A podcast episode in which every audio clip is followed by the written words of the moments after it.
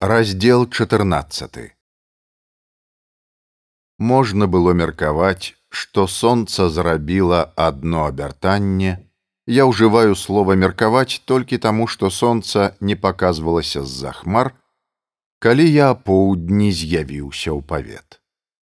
Гэта быў плоскі як праснак гарадок, горшы за самае дрэннае мястэчка і аддзялялі яго ад яноўскага наваколля, толькі вёрст 18-20 чэзлых лясоў.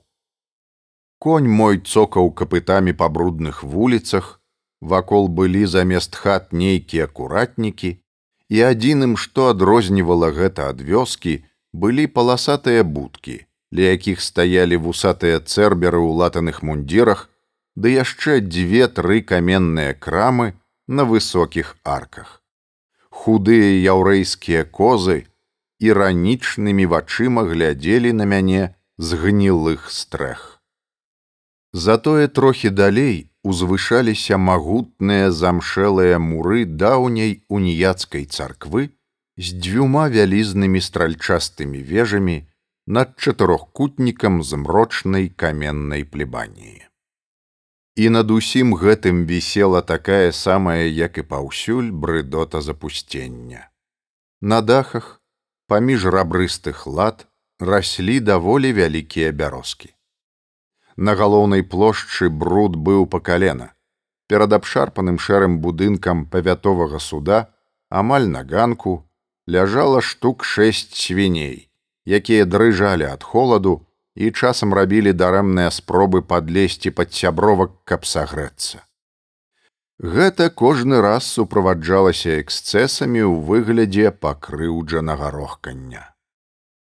Я прывязаў каня да канавязі і падняўся па рыпучых прыступках у калідор, дзе кісла пахла папяровым пылам, чарнілам і мышамі. Дзверы ў канцылярыю, абабітыя пашарпанай цыратай, ледзя дарваў, так яны набраклі увайшоў і спачатку нічога не разгледзеў. Такое скупое у тытунёвым дыме святло прабівалася праз вузкія маленькія вокны. Лысы скурчаны чалавечак, у якога ззаду з прарэхі выбіваўся хвосцік кашулі, узвёў на мяне вочы і лыпнуў імі. Тут я вельмі здзівіўся, верхняе павека засталося нерухомым, а ніжняе закрыла ўсё вока, як у жабы. Я назваў сябе. Вы з'явіліся, здзівіўся чалавек жаба. А мы? А вы думалі, працягнуў я, што я не з'яўлюся ў суд, ад'еду адсюль уцяку. Вядзіце мяне да вашага суддзі пратакаліст вылез з-за канторкі і патопаў перада мною ў глыб гэтага дымнага пекла. У наступным пакоі за вялікім сталом сядзелі тры чалавекі ў сурдутах, зашмальцаваных да таго, што нагадвалі стары мультан. Твары павярнуліся да мяне, і я заўважыў у вачах аднолькавы выраз хцівасці, здзіўлення перад тым, што я ўсё ж з'явіўся і нахабства. Гэта былі суддзя, пракурор і адвакат. Адзін з тых аблакатаў, што абдзіралі кліентаў як ліпку, а пасля здраджвалі. Галодны, хцівы і прадажны судовы кручок з галавою падобнай на агурок. І наогул гэта былі не бацькі і не дзеці судовай рэформы, а хутчэй пад'ячыя да пятроўскіх часоў. Пан беларэцкі мятым голасам прагаварыў суддзя. Мы ажидалі вас. Отчань прыемна. Мы паважаем людзей са сталічным бляскам. І ён, не запрашаючы мяне сесці, утаропіўся ў нейкую паперку. Вы, наверное, ведаеце, што зрабілі што-то падобнае да крыміналу, калі пабілі прыстава за какой-то нявінны жарт. Гэта действие уголовно наказуемое, ибо к аккурат суперечить норовам нашего новоколля, а также изводам законов империи Российской. І ён паглядзеў на мяне праз акуляры з вельмі ганарлівым выглядам. Ён быў цалкам задаволены. Гэты нашчадак шамякі, задаволены тым, што чыніць суды расправу ў павеце. Я зразумеў, што калі я не наступлю яму на мазоль, я загінуў. Таму я прысунуў да сябе крэсла і сеў на яго верхам. Мне здаецца, што ў яноўскім наваколлі трохі забыліся на далікатнасць. Таму я сяду сам. Пракурор, ветлівы малады чалавек з сінякамі пад вачыма, як быццам ад ганебнай хваробы, суха сказаў: « Пра далікатнасць пану трэба моўчаць.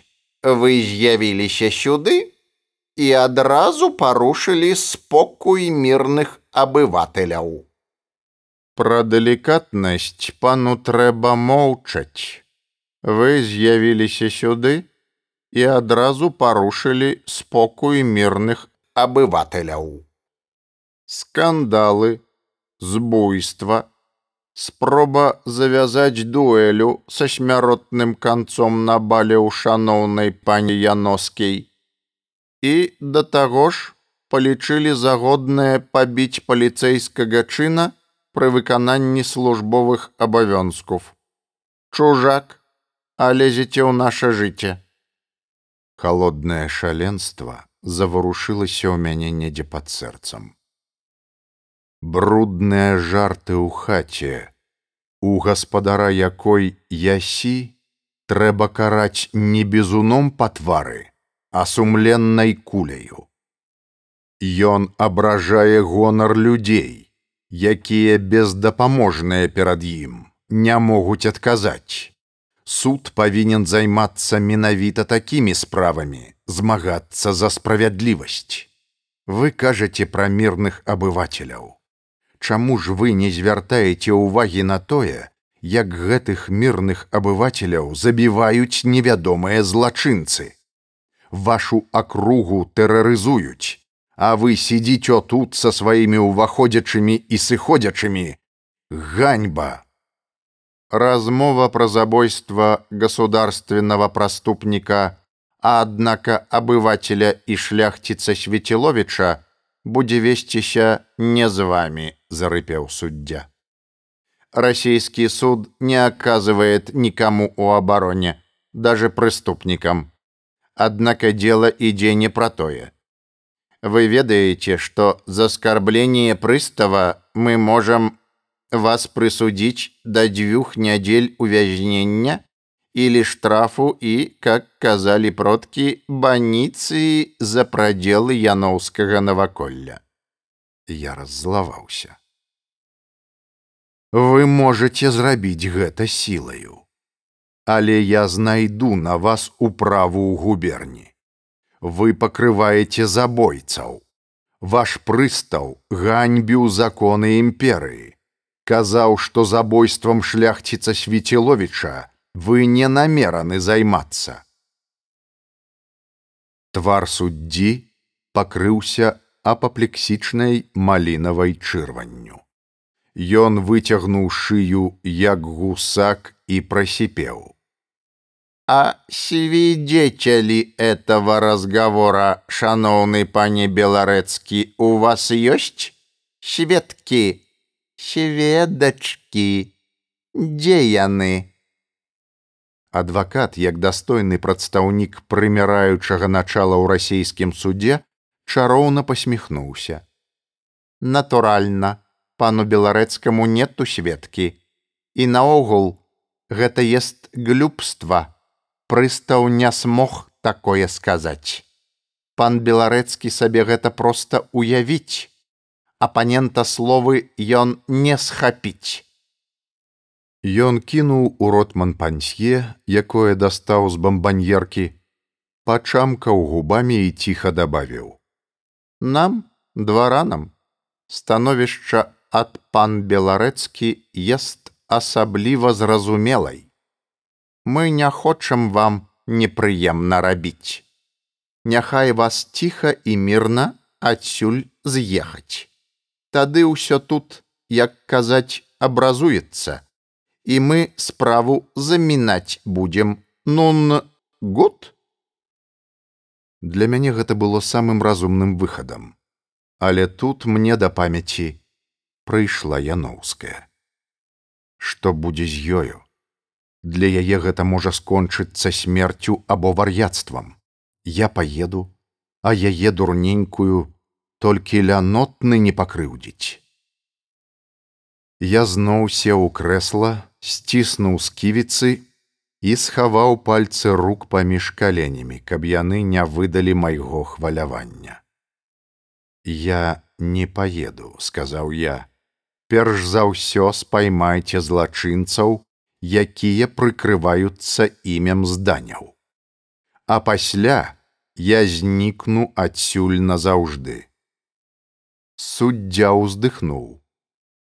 Мне кажацца, што вам прывядзецца пайсці адсюль хутчэй, ніж спаймаць гэтых мі мехі міфічных, падказаў адвакат.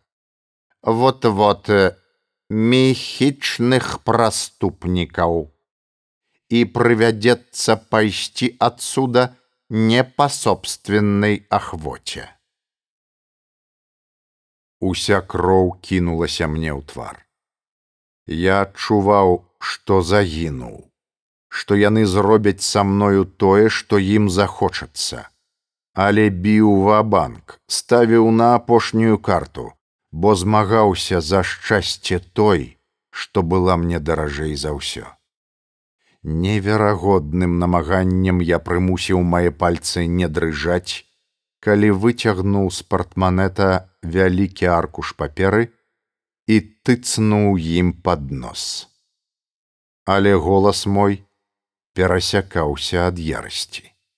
Вы, здаецца, забылі, што я з акадэміі навук, што я член імператарскага геаграфічнага таварыства.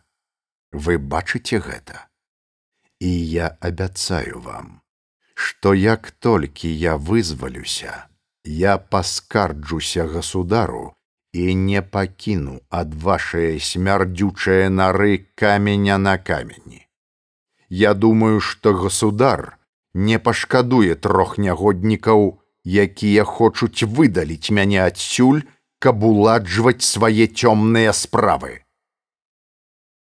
У першы і апошні раз я назваў сябрам чалавека, якога саромеўся назваць нават суайчыннікам.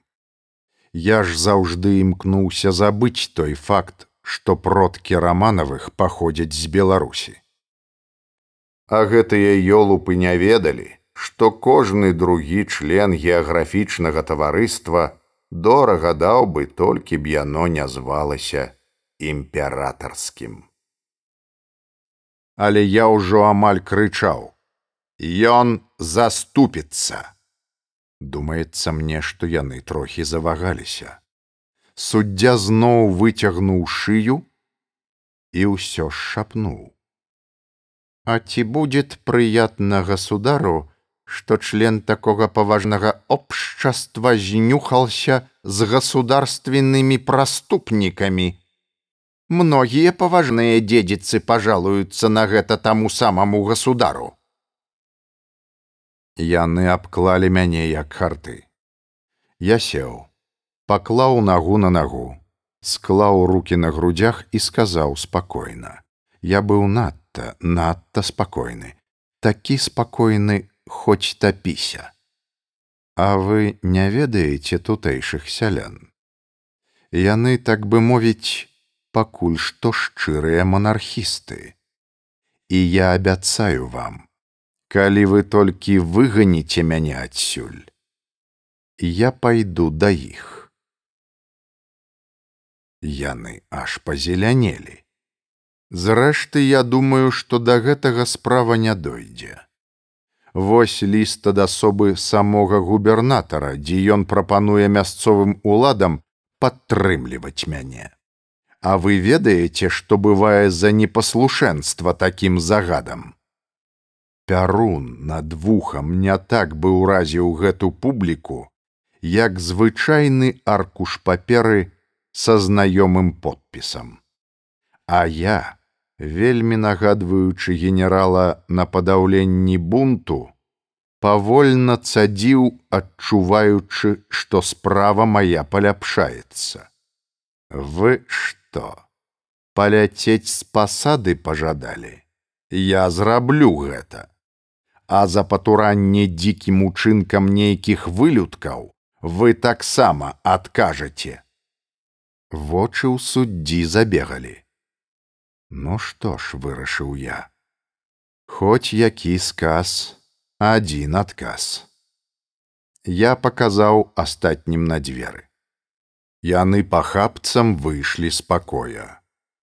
Я добра бачыў у вачах суддзі боязь, як у зацкаванага тхара. Бачыў і яшчэ нешта прыхаванае, злоснае. Я падсвядома быў упэўнены зараз, што ён звязаны з таямніцай дзікага палявання, што выратавацца ён можа толькі ў тым выпадку, калі я загіну, што зараз паляванне пачне паляваць на мяне, бо гэта пытанне іхняга жыцця, і я, магчыма, яшчэ сёння атрымаю кулю ў спіну, але шалёная злосць, ярасць, нянавісць сціснулі мне глотку. Я зразумеў, чаму нашых продкаў звалі шалёнымі і казалі, што яны б'юцца нават мёртвымі. Я зрабіў крок, схапіў чалавечка за шкірку, выцягнуў з-за стала і падняў у паветра. Патрос, хто раўнуў я і сам адчуў, як збялелі мае вочы. Ён надзіва правільна зразумеў маё пытанне. Авой, не ведаю, не ведаю, пане, Ох, што мне рабіць, яны заб'юць мяне заб'юць. Я шпурнуў яго на падлогу і схіліўся над ім. Хто? Пане, пане, ручки ножки пацалую не трэба. Хто? Я не ведаю. Ён даслаў мне ліст і пры ім 300 рублёў з патрабаваннем выдаліць вас, бо вы перашкаджаеце. Там быў толькі адзін сказ, і там гаварылася, што ён мае цікавасць да пані Яноўскай, што яму карысна яе смерць або замужаства з ім. І яшчэ там было сказана, што ён малады і моцны і здолее ў выпадку чаго заткнуць маю глотку. Схожасць суддзі з тхаром дапоўнілася раптам яшчэ і смуродам.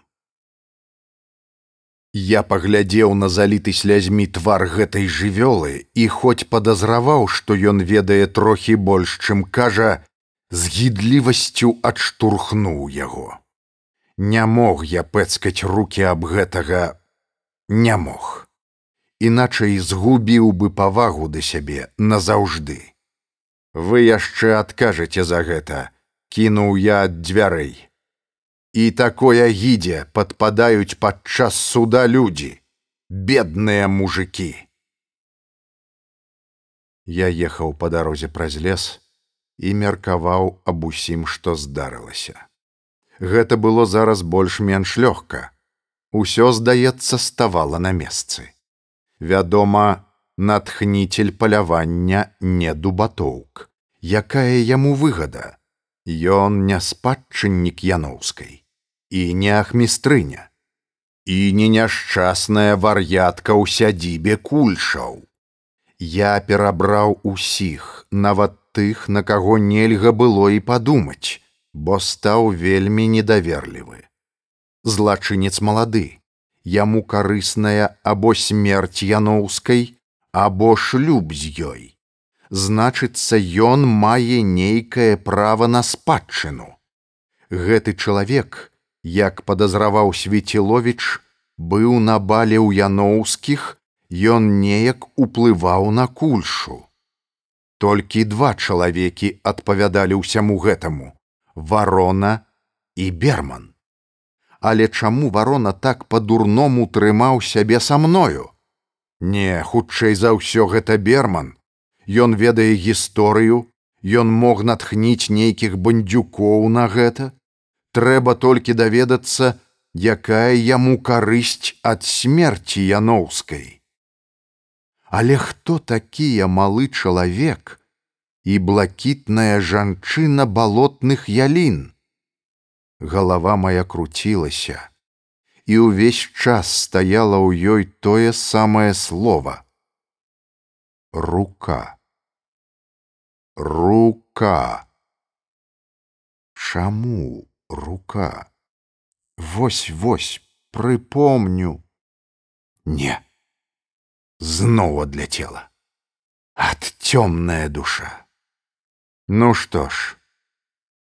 Трэба шукаць дрыгантаў і ўвесь гэты маскарад. І хутчэй